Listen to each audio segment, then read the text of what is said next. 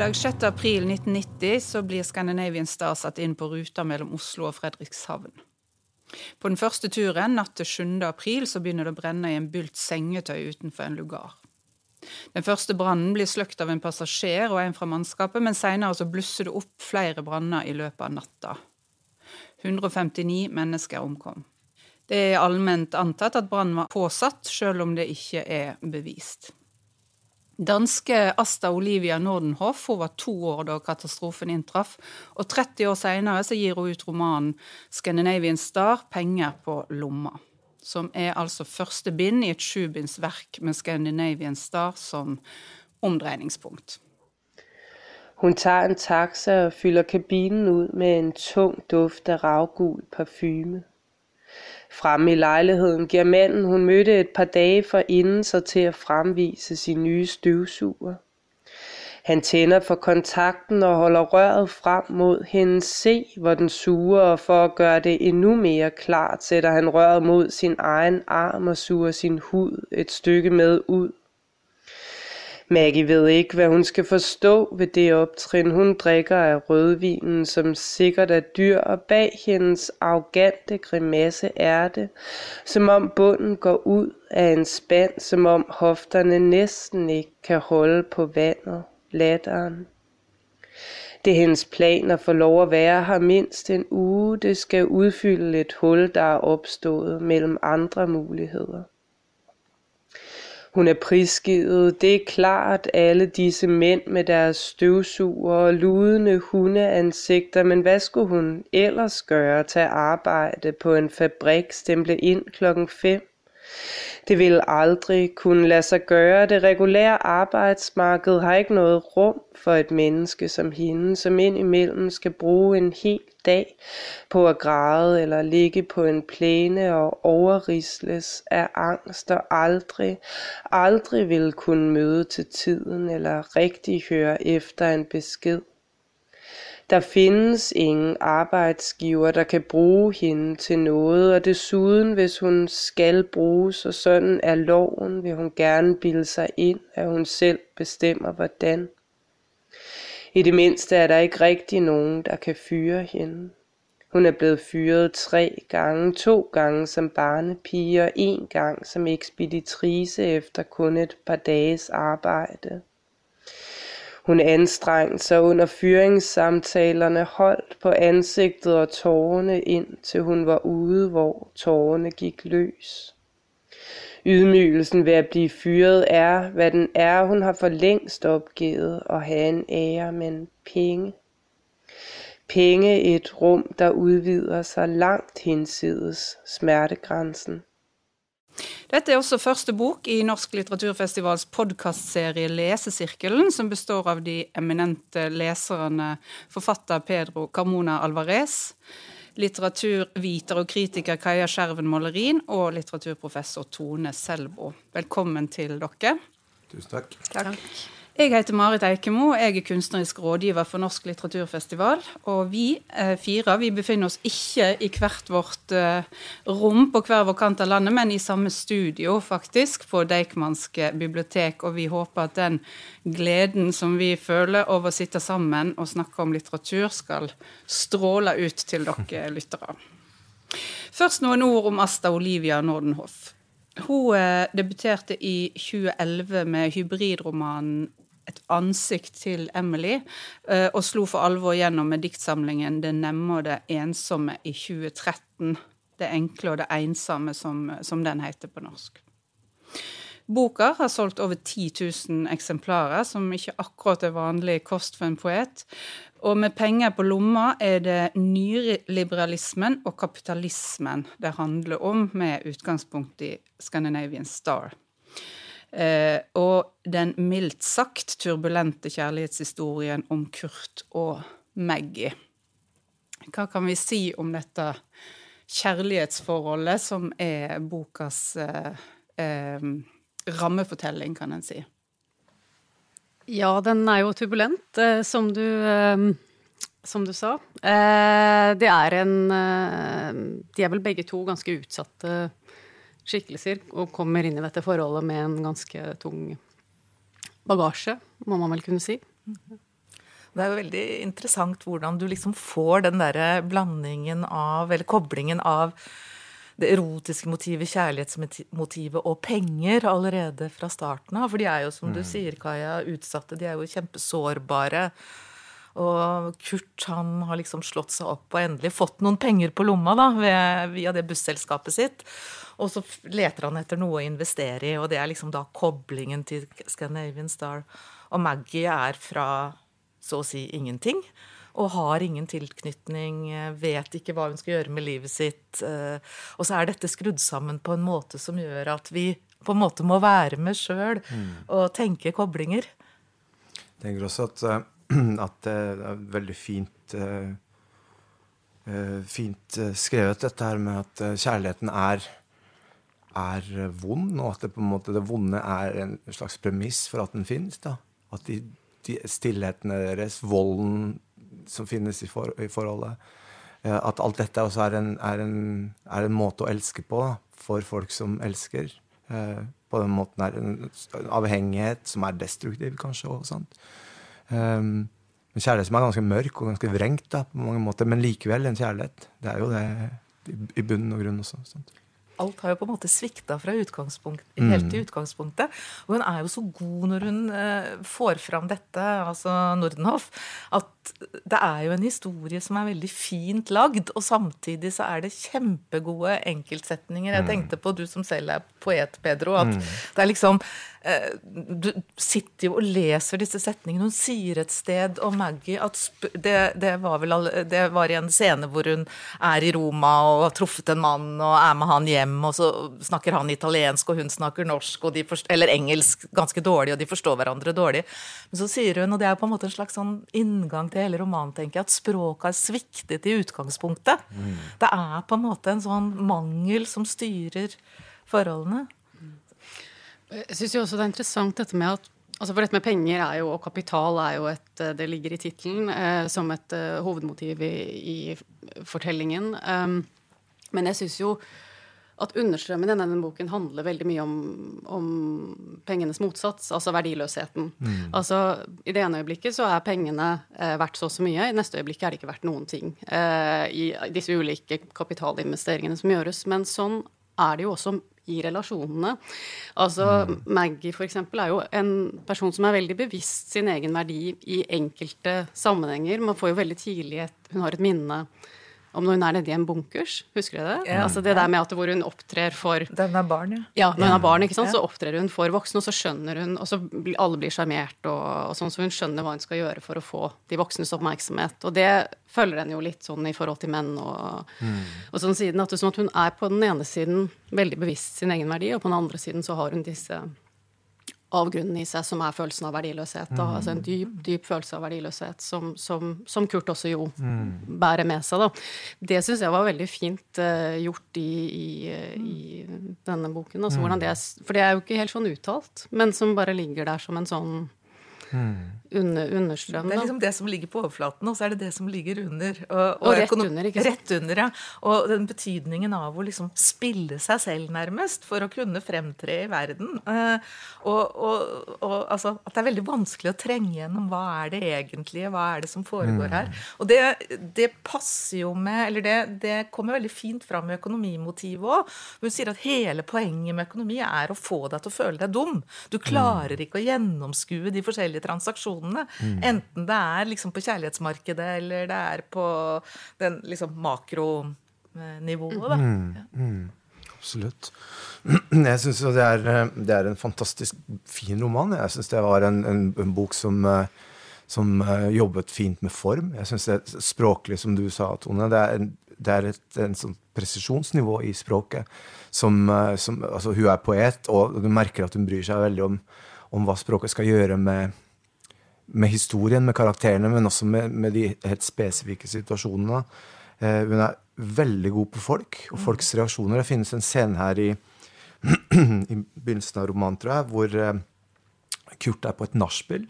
Og så er nachspielet dødd helt. Alle er bare dovne og bare venter på at dette skal liksom og så er det noen som stikker noen sånn urter eller et eller annet sånn grusomt opp i nesen på han som det liksom brenner i hjernen. Og så livner det alt til. Fordi alle begynner å le av han, og han føler seg helt uh, fullstendig latterliggjort.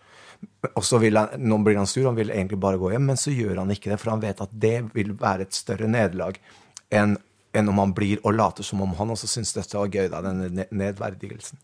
Og sånne type observasjoner syns jeg romanen er full av. At han, gjør, at han ser liksom inn i folk, og, og, og, reaksjoner er jo på en måte karakteravslørende I, I, veldig veldig stor grad i, i romaner. Um, så jeg, men jeg tenker at, um, at uh, det er en sånn veldig veldig fin symbiose mellom det språklige og det, handlings, uh, det som har med handling å gjøre da, i denne boken. Og jeg tenkte videre på det apropos Kurt, da, som jo liksom selv er voldelig, oppfører seg veldig ufint mot Maggie, for å si det mildt, mm. i en del relasjoner og sånn. Og så kommer den historien om han som alenefar, mm. som jeg syns er noe av det sterkeste i hele romanen. Altså, han har da et, en liten sønn, og hans første kone Bodil, eller samboer, eller hva det er, hun, har, hun bare går ut døra og forlater dem. Og så har han ikke mulighet til å forsørge seg og sønnen, og så trekker han på Rådhusplassen og plukker opp menn. Og så går det en stund, og så ender det med at han må gi fra seg sønnen. Det er et veldig sånn hjerteskjærende mm. scene, da, mm. som viser, syns jeg, Nordenhoffs evne til å liksom hun utleverer personene sine et stykke på vei, men aldri helt. Og aldri sånn at vi ikke blir tvunget til å så å si ta et skritt tilbake og, og skjønne at ja, men her er det også en, en historie. Mm. Her er det noe annet som vi må liksom være med på å fylle ut sjøl. Mm. Ja, så er det jo et eller annet, tenkte på det, mm, den historien du nevner om at han må gi fra seg barnet sitt. Altså det, for meg så var dette en bok som handler veldig mye om tap. Altså å ta ulike former for tapserfaringer som, som, ligger i fortellingens struktur i form av fravær.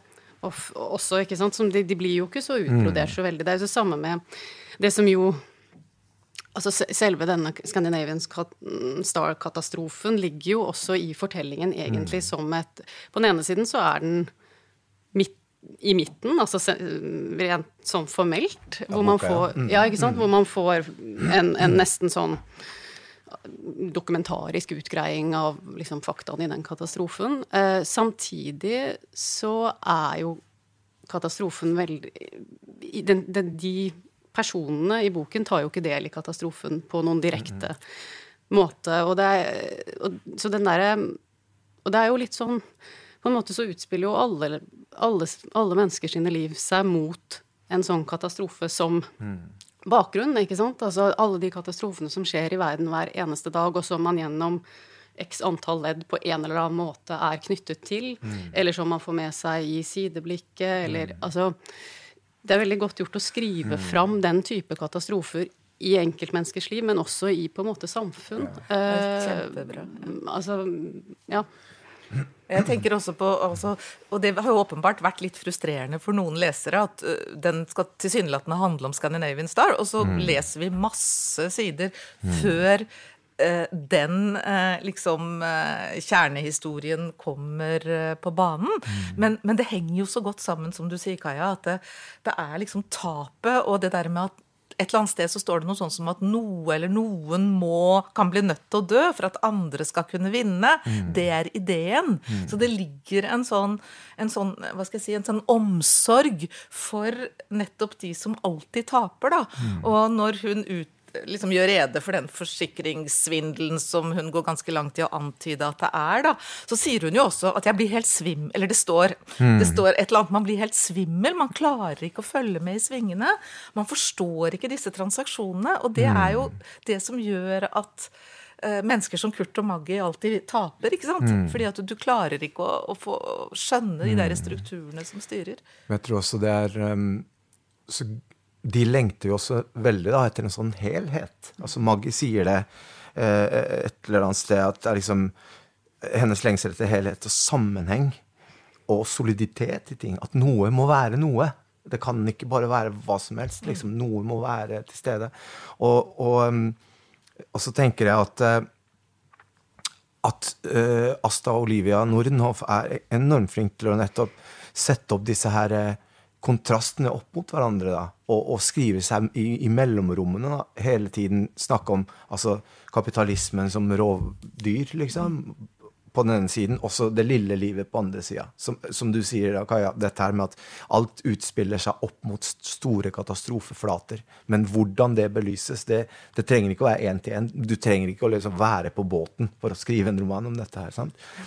Jeg tenker også på, um, på uh, kontrastene mellom det enormt lyriske språket i, romanen og det ganske streite språket i den Scandinavian Star-biten, i midtbiten, som nesten er sånn Jeg har lest noen kritikere har kalt det sånn wikipediansk, på en måte, hvor det bare er liksom fakta. Ja. Uh, men du har det på setningsplan nå. Altså, når, uh, I den scenen her hvor Maggie, da hun er uh, ung jente, så sier, så sier, hun 'ikke flere menn'. Det er junk. Venninner, det er det hun må ha. Og så skaffer hun seg en brevvenninne. Så på den ene siden er det en 14-åring som nettopp har blitt voldtatt forstår at dette her livet, det kan man ikke leve, liksom. Og så vil, ønsker man seg inn i et eller annet, en konvensjon. Man er inn, inn i en familie. Ikke sant? Og så står det 'Hvordan skal jeg vite hva en familie er?' Ja. Jeg har aldri opplevd en familie. Og den, der, den scenen hvor hun drar til denne brevvenninna og føler seg fremmed. Hun kan ingenting om kodene. Det er det samme som økonomien. ikke sant? Ja. Kan ingenting om kodene, kan ingenting om hvordan det, man skal oppføre seg under en middag. Så reiser hun hjem så sier hun, ha, 'dette hatet jeg'. Og så skriver venninna tilbake til henne sånn 'Det var så hyggelig. Du må gjerne komme tilbake igjen'. Og så sier hun da et, et fantastisk uh, avsnitt der liksom Magi forstår ikke om Kristina lyver, eller om det virkelig kan være så stor forskjell på mennesker. Den, den, den derre uvisse. Hva er det? Hvorfor får ikke jeg det her til? Hvorfor kan ikke jeg se det her? Liksom? Men det er jo den derre uforståeligheten mm. ved eksistensen som jeg syns er så gjennomgående i denne romanen. Altså det der med det, det, det, er det samme med dette at man, Kurt må gi fra seg gutten sin. Altså for, også for leseren er det jo uforståelig. Altså, ja. hva? Må du det? Hvorfor? Ja, altså, ja, det går ikke. Og så må han det. Uh, og, og den derre mm. uoversiktligheten, ugjennomtrengeligheten i, i ja, i eksistensen. Det, det er jo hjerteskjærende selv når han gir fra seg guttungen, ja. og så går han ut, og så får han et brev om at de har funnet en god familie til denne gutten noen uker etterpå. Og, og så sier han bare ja, 'Et godt hjem', ja. Det, det, kunne jeg også ha gitt ham hvis jeg bare hadde hatt noen penger. Altså det, Den setningen der. Altså det, det, at også at forklare, altså disse menneskene, hvordan de forklarer disse her, den uforståelige eller denne merkelige verden de lever i. Men av og til så forklarer jo ikke Nordenhoff for oss overhodet hvorfor, sånn som du er inne på nå, Kaja. altså det må jo ha vært noen muligheter til å skaffe noen penger. Han må jo, er det ingen som kunne hjulpet han? Man blir jo sittende med sånne spørsmål. Jeg tenker tilbake på den scenen du snakket om, hvor hun drar og besøker denne pennevenninna. Mm. ikke sant? Og så står hun ved bordet. Mm. Altså, eh, Det manifesteres liksom på en helt sånn kroppsspråksnivå. Ja. Hun forstår ikke at når du kommer til en familie og skal deg, eller skal spise, så skal du sette deg rundt bordet. Og så er det denne faren som sier at du må sette deg. Hun står da fatet med kylling liksom mm. går rundt. Jeg syns det er så fantastisk observert. Mm. Hvordan den der dissonansen kommer inn mm. på sånn mikroplan. Og det ligger i språket også. Ja. Bare, mm, altså det der med altså hvordan de snakker sammen, at ikke de mm. forstår hverandre. Altså Mot slutten så de får jo Maggie og Kurt får jo en uh, en datter. Mm.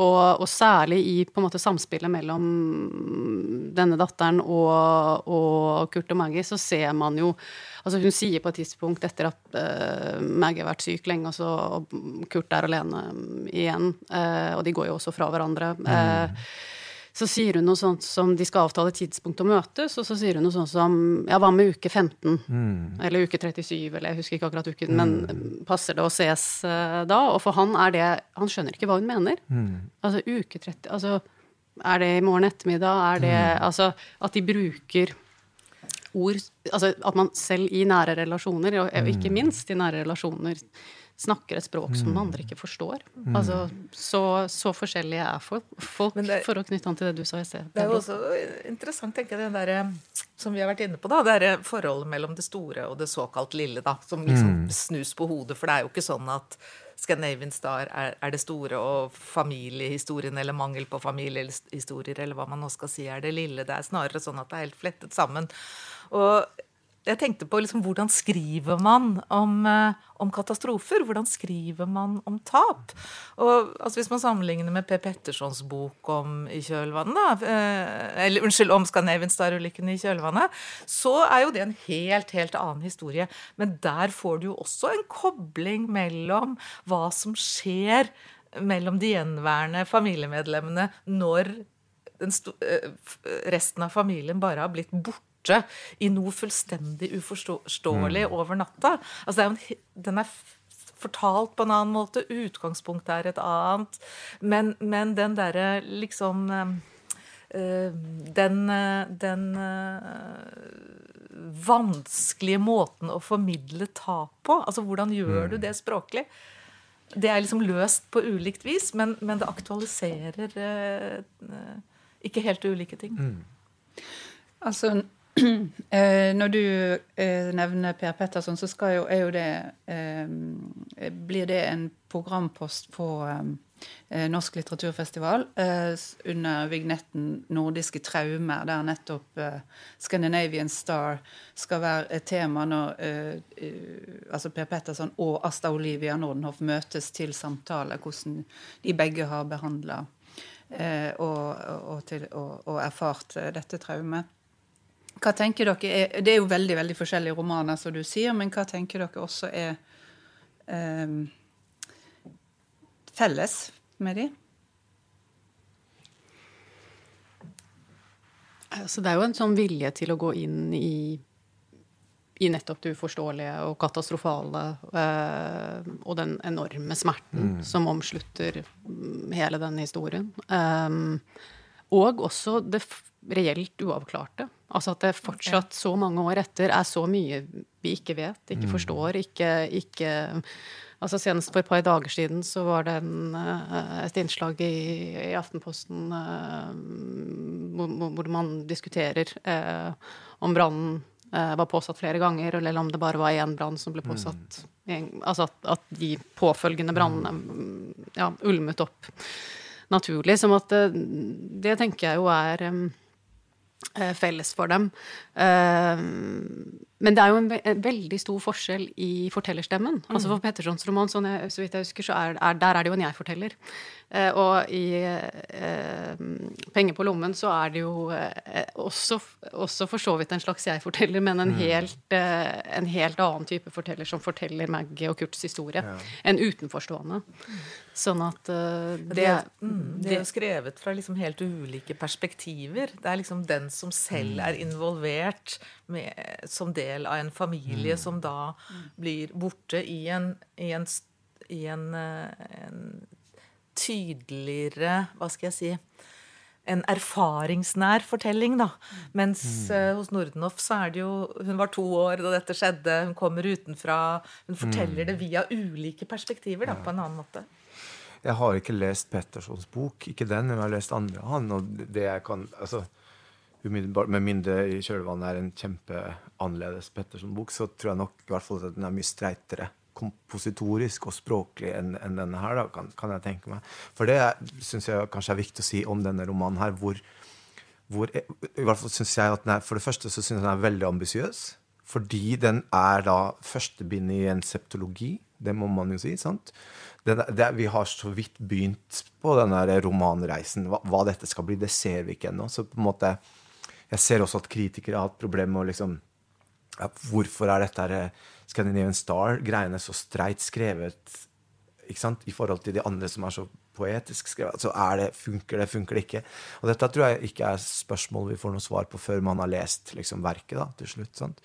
Men jeg syns også at, um, at uh, ambisjonsnivået her er høyt uh, når det gjelder det kompositoriske. Da. Det er en roman som består av masse snapshots, det er ganske mange brudd, det er masse tidshopp fram og tilbake. Det er for så vidt ganske streite grep. Men, eh, men, eh, men, den har også dette merkelige jeget som dukker opp. Som, altså, romanens begynnelse er jo eh, rett og slett fenomenal. Den er altså det er, Jeg sitter på en buss, ser en mann som hun ikke klarer å slutte å, å, å, å tenke på. Og um, denne uklare fornemmelsen leder henne da tilbake til en gård, der hun begynner å se for seg dette. Så det, dette her, og hun bruker uh, ord som syner. ikke sant? Eh, I begynnelsen. Eh, jeg har, hvis jeg bare kan tillate meg det, så jeg syns dette er veldig interessant. Fordi at den begynner Dette er liksom helt, helt anslaget her. Hun er på bussen ett sted på Fyn. altså Helt sånn ubestemt. sånt. Kan ikke, hun kan ikke forklare hvorfor denne mannen gjør sånn inntrykk. Han ligner på mange andre menn. Det er veldig utydelige greier hele veien. Noe, noe av han ble transportert videre i henne. Altså veldig utydelige begreper, liksom. Noe fra en drøm, utydelighet, alle sånne ting. Og så kommer gården. Det er det første presise bildet av, av det, som kommer ut av denne tåken, liksom. Og, um, og, og, det er, altså Når hun kaller dette for mine syner, liksom, det, er, det er et syn, det her. Hun legger jo ikke skjul på at dette her er på en måte drømt opp, skrevet. Fantastisk fin, fin åpning. Og det er jo de samme personene som så dukker opp ja. i, i i fiksjonsfortellingen ja, utover. Ja, ja. Og så er det en annen scene hvor Maggie forteller til jeg-personen, og hvor jeg skriver uh, hvor, hvor, fortellingen kommer i jeg-form. Uh, som også har det litt sånn reportasjepreget. At hun er en videreforbringer av noen historier ja. som hun ikke liksom kan helt. Og Maggie forteller ikke alt, hun forteller bare noe. Mm. Du skulle si noe, Kaja? Nei, nei, bare det er litt i tilknytning til det dere begge sier. altså Både dette, disse ulike stilnivåene, men også åpningen med, med anelsen, fornemmelsen, mm. synene. Mm. Altså Det er jo en bok som handler veldig mye om sansning. Mm. Altså hva man får med seg på hvilken måte. Uh, og der tenker jeg at de stilnivåene spiller veldig mm. sånn opp mot, ja. mot, hverandre. For det er jo litt sånn det er å gå rundt mm. i verden. Altså Noen ting fornemmer man bare, andre ting leser man som en faktaartikkel. Mm. Uh, og, og, hvordan disse ulike hva skal jeg si, kommunikasjonsformene mm. lagrer seg i ja. kroppen. Da. Jeg syns det er interessant om dette jeget som kommer inn, litt sånn inn og ut av fortellingen av og til. Selv midt i der Scandinavian Star eh, wikipedianske partiet, for å kalle det noe, så kommer jeg med en liten sånn Da jeg gikk på skolen, så, så, og så kommer det en liten sånn passasje om et som avslører at dette jeg faktisk fins, som kropp i en eller annen slags verden. Og hva slags um, hvordan, hvordan, dette her kommer til å bli liksom, uh, brukt senere, det blir spennende å se. Men det er jo en historie altså Hvis mm. vi holder oss til den mm. lille Scandinavian Star, mm. Star-delen mm. Det er jo en historie som må fortelles mange ganger. Mm. Fordi at den Du kommer Du får bare bruddstykker. Og der tenker jeg altså Jeg skal ikke gå videre på Petterson nå, men der tenker jeg at forbindelsen ligger med mm. Petterson også, da.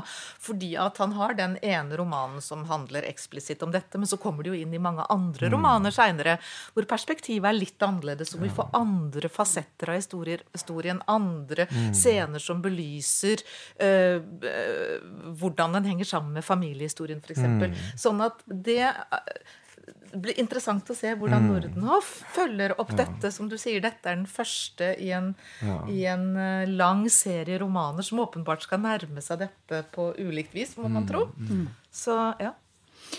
Jeg tenker også på det du sier, Peder, om den drømmeaktige eh, innledningen, som, mm. Eh, men som uh, munner ut i denne gården, mm. som er konkret. Og mm. Nyborg er det vel det heter der de bor. Mm.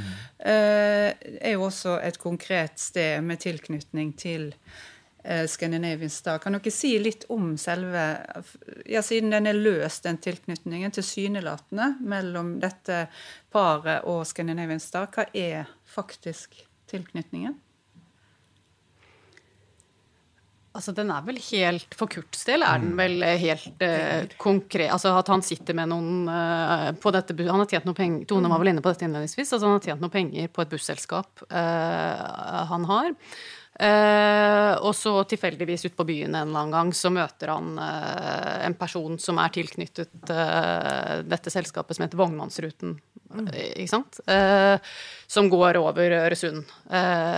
Og, og, så investerer han pengene i dette um, selskapet. Mm. Er det andre som ja, jeg bare tenker at, at det interessante Hele tittelen er 'Penger på lomma', ikke sant? Mm. eller 'Penger på lommen'.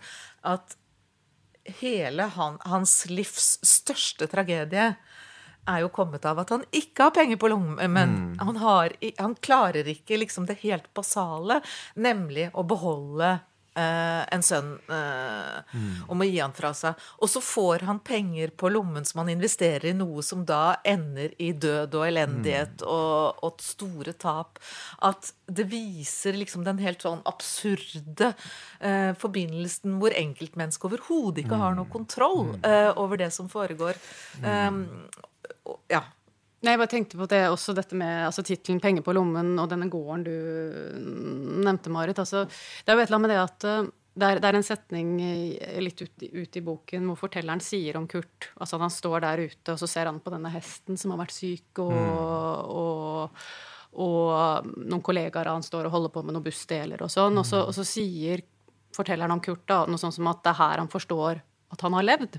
Altså hatt noe i hendene. Altså det helt sånn konkrete i det. Og penger på lommen er jo en veldig konkret Altså at man, pengene ligger i lommen. Og han prøver på et tidspunkt å sy de inn i madrassen. Sant? Og så blir han veldig skuffet over at Maggie For at hun ser han i, i denne gjerningen, og så gjør han ikke det allikevel. Og så blir han veldig skuffet over at hun ikke engang spør hvor, hvor mye penger det var snakk om. Men idet han investerer disse pengene i Vognmannsruten, så blir det jo abstrakt. Da er det ikke konkret lenger. Da er det ikke noe han har i hendene lenger. Og det tenker jeg jo også er et sånt spor i denne boken. Da. Altså det der med at hvordan ting Blir borte. Blir borte. Ja, knytter han til det der fraværstemaet. Og, og jeg tenkte, ikke for å liksom holde så veldig fast i dette i Pettersons roman, men, men en, det er jo en roman som i veldig mye større grad leter etter sammenhenger. ikke sant? Vektlegger sammenhenger, nøster i et liv, hvordan ting henger sammen. og Tidlig i boken så sier vel fortelleren også at han leser, sitter og leser Alice Munro. Og, og noe av det han verdsetter i Alice Munro, er den der, eh, at det er en sånn tyngde der og en sammenheng som ikke forskjønner. Som at han har et helt annet type prosjekt enn en Nordenhoff, som jeg tenker at i mye større grad vil holde fram det som ikke har noen sammenheng. Det som Ja, hvordan forbindelsene oppløses i uoversiktligheter. Og derfor så passer det så bra, syns jeg, at det tilsynelatende ikke henger sammen. Altså det henger, fordi at det henger sammen, men ikke på en forklaringsmessig måte. Det kan ikke settes på begrep, det kan ikke fylles ut. Eh, og jeg ser jo at eh, det derre motstanden som ligger i historiefortellingen her, eh, altså det nærmest sånn antifortelleraktige, det er jo helt logisk eh, i lys av, eh, av temaet. Bare for å skyte inn også med Vognmannsruten. Der, for de som ikke vet det, så var det et rederi som ble oppretta i 1984 som en privat konkurrent til, eh, til det statlige DSB-rederi. For å, altså at de kunne tilby billigere transport fra Korsør til Nyborg. Som altså er der gården til, eh, til Maggie og og Kurt ligger. Og, eh, og det var altså eh, Det var dette selskapet som, altså som kjøpte opp Scandinavian Star da, i eh, 1990, var det vel. Bare for å ha plassert den tilsynelatende litt sånn tynne forbindelsen mellom de to delene. Men jeg syns også det er fabelaktig egentlig med den romanen at den, at den tillater seg alt den gjør, da. Når det gjelder liksom å ha tynne forbindelser, som du sier, men også det her fokuset på ting som blir borte. ikke sant? Den er kjempegod på å holde unna informasjon og la leseren få komme inn med all våres liksom sensibilitet og kunnskaper om ting, og så lage til rest Altså, den gir oss på en måte noen sånne knokler til Den forklarer ikke Den har ikke en sånn forklarende tredjeperson Altså, den er skrevet i tredjepersonsfortelling, eh, som en tredjepersonsfortelling, men, men den, den har liksom ikke noen sånn eh, forklarende funksjon. Da. Sånn, av og til gjør den det, sant? Av og til gjør fortelleren det. Sånn føltes det, sånn var det.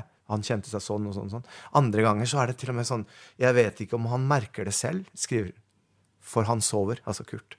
Og så det der med å tillate seg sjøl det fra fortellerperspektivet og si at eh, dette vet jeg ikke. Jeg vet mye, jeg kan vite ganske mye om disse folka. Til og med gå inn og ut av liksom bevissthet og drømmer og sånn, men noen ting holder jeg liksom skjult. Eller eh, i, i en, så- et sånt tomrom. Da.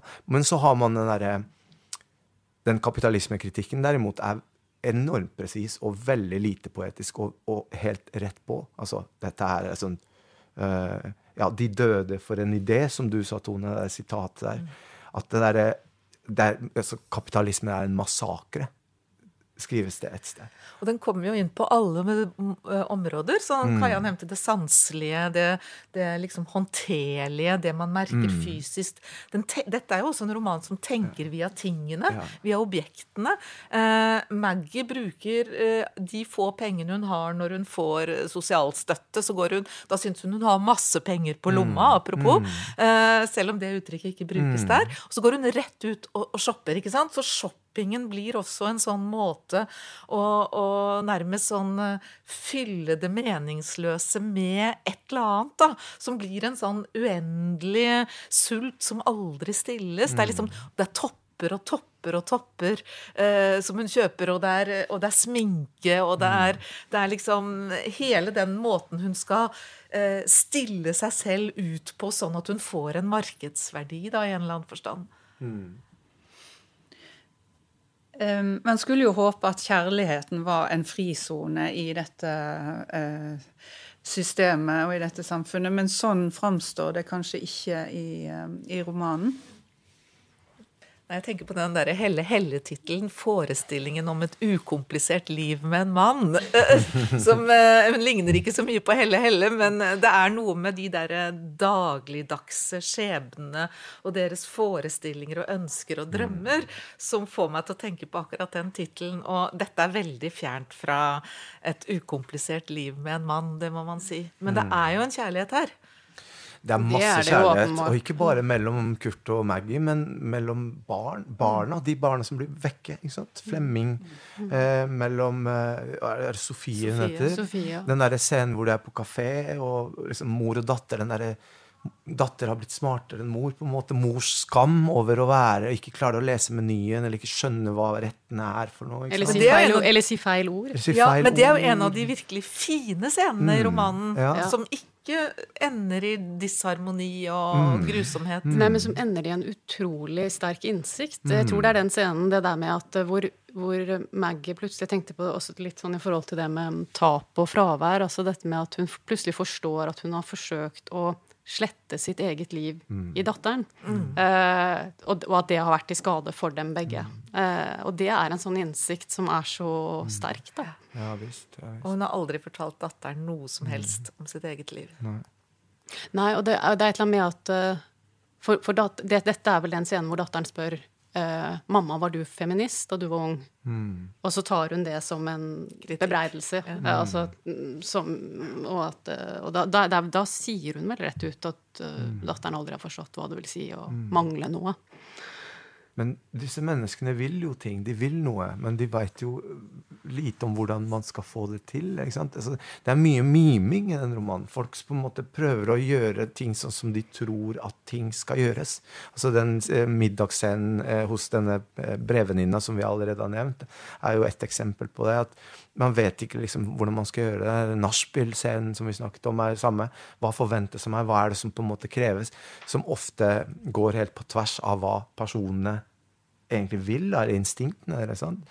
Men så er det også den der, apropos kjærlighet, det er den derre hesten til Kurt. Som, da, som er blitt for gammel til å galoppere. Men det vil han ikke han vil ikke liksom avsløre det for, for Maggie, så han tar med seg hestene og later som om han er ute i skogen og galopperer, mens han egentlig så går han bare tur.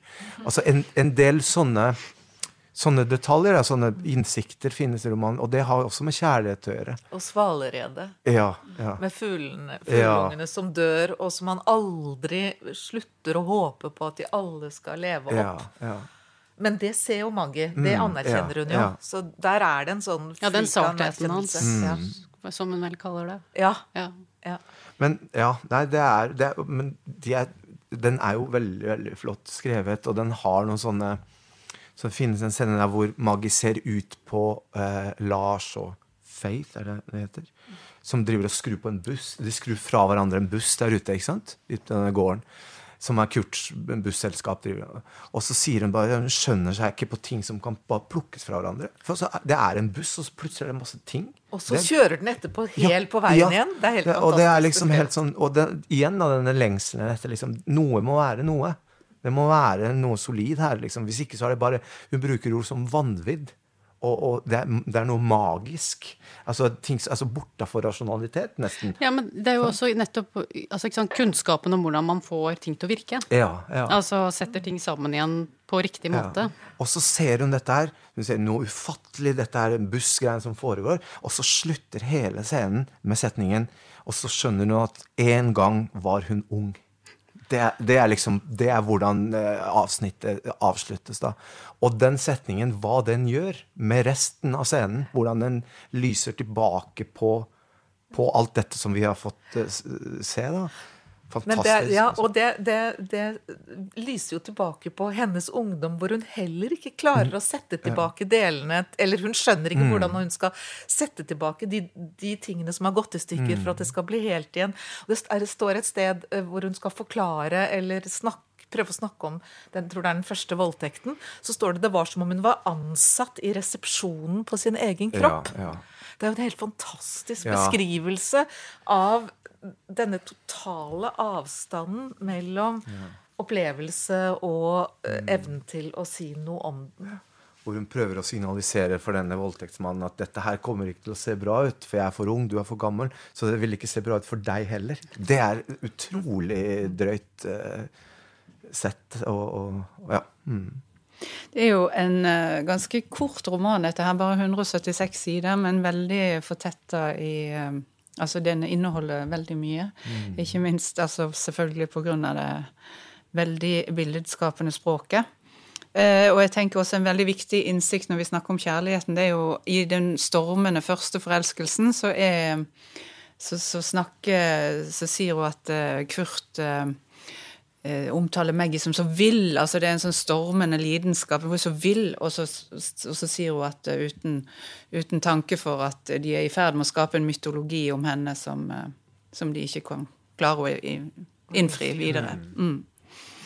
Men det er jo en vold i dette forholdet som er kanskje forbundet med tapserfaringene til, til de, Eller en aggresjon.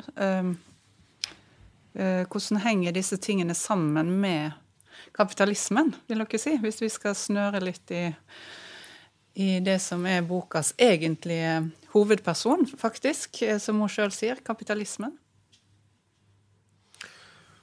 Jeg har tenkt litt på sånn um, Vi gikk på skolen og leste sånne 1800-tallsnoveller. sånn Karens jul og sånn, hvor det gikk så dårlig med folk. Alle frøs i hjel og sånn. En sånn deterministisk blikk på det. liksom. Altså, Hvis du ikke har penger, hvis du vokser opp med folk som slår deg, så er det vanskelig å komme seg ut av en eller annen sånn malstrøm da, av dritt, liksom. sant? Og, og, jeg tenker litt sånn at denne boka her på, på et eller annet nivå gjør det òg. At den har noen sånne spor av den derre av, av, dette blikket som kanskje ikke er deterministisk på sånn at man tenker sånn sånn må det være, men det, på en måte hvis man begynner å pelle litt i kapitalismens liksom konsekvenser på, på, på, mikronivå, da, for å si det sånn, så er det, så er det jo nettopp denne typen fortellinger vi finner. da. Altså, Det er en grunn til at liksom, det er bedre å være rik og frisk enn syk og fattig.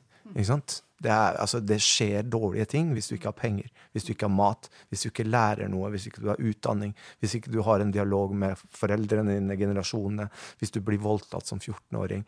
Du lærer en del greier av det. For det er en lærdom i vold også. Ikke sant?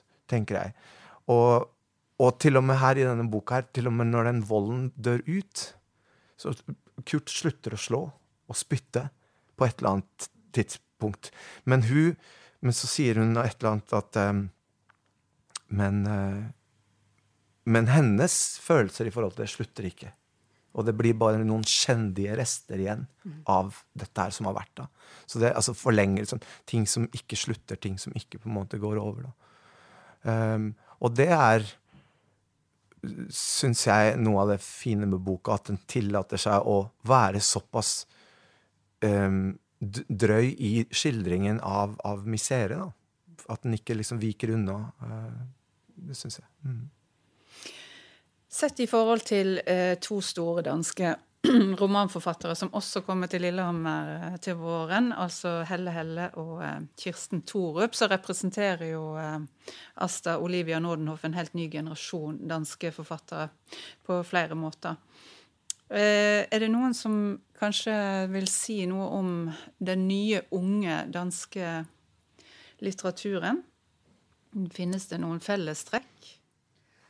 Altså, Jeg ser at uh, hun f.eks. har blitt sammenlignet med ja, Hassan. Det har jeg vanskelig for å se annet enn at det ligger en form for, kanskje en form for aktivisme her som man kan trekke en sammenligning med. Den, og det billedskapende. Og det billedskapende, ja. Men den jeg syns uten å kan påberope meg at jeg kjenner hele den danske unge litteraturen, så tenker jeg at Jonas Eika, mm. eh, som vant Nordisk råds pris var vel i 2018, mm. der ligger det en tilsvarende vilje og bestrebelse på å sette å vise fram kapitalismen som et ekstremt komplekst system. Mm. Som ikke bare er økonomisk, men som så å si har sevet inn på alle livets områder, mm. sånn at enkeltmennesket mister evnen til å overskue sin mm. egen situasjon. Og så å si trekke i trådene og nøste opp. Hvor starter det? Uh, hvor, hvor, ender det? Uh, hvor dette med utbyttbarhet blir et veldig viktig sånn gjennomgående motiv. Da, Selvfølgelig i økonomien og, og sånn, men, men, men, i mellommenneskelige relasjoner òg. Mm. Ja. Følelsen av å være utbyttbar. Ja. Som jo er kapitalismens liksom, første bud. Da. Sånn alt, du, er, du, kan bare byttes ut. Det kommer alltid noen andre som vil jobbe på denne drittfabrikken liksom, til drittlønn. Men, eh, men, jeg tenker også at det er, en form for Ja, jeg er enig. Eika er et bra eksempel. da fordi at uh, han også skriver om disse ting. Men, men, de er formbevisste på en annen måte enn den kanskje eh, klassiske politiske litteraturen har, har vært. da. Mye mer leken. altså Olga Ravna, altså en sånn forfatter som har, jobber mye med form og, og sånt. og um, men jeg, synes, jeg vet ikke om, om, hva dere syns om det, men jeg har tenkt også på Sara Stridsberg jeg har lest den boka. her, og, og det har med liksom den herre um, men det rike poetiske språket. Stridsberg er litt mer, har litt mer sukker på, i, i cornflakesen enn en Asta Olivia har. Men, eh, men, eh, men, likevel, der, også blikket på Hassan også har jo et blikk på den altså, vrangsida. Da, sant? Det som egentlig ikke skal finnes her i Skandinavia. Her, det, det, står jo i romanen også. Denne typen greier skal ikke skje her. Det er ikke her vi skal dø av kapitalismen. Det kan de gjøre nede i India eller et annet sted, liksom. Sant? Så det er på en måte likhetstrekk nå, tenker jeg. At det er liksom et blikk på mm. Og med dette så takker Lesesirkelen for denne gang. Takk til eh, Asta Olivia Nordenhoff, som las fra romanen innledningsvis. Hun kan dere møte på Norsk litteraturfestival 25. til 30. mai. Og les dere gjerne opp eh, til festivalen med oss. Neste podkast er tilgjengelig fra 1. april, og da snakker vi om Lena Anderssons roman 'Datteren'. Se fullstendig leseliste på litteraturfestival.no.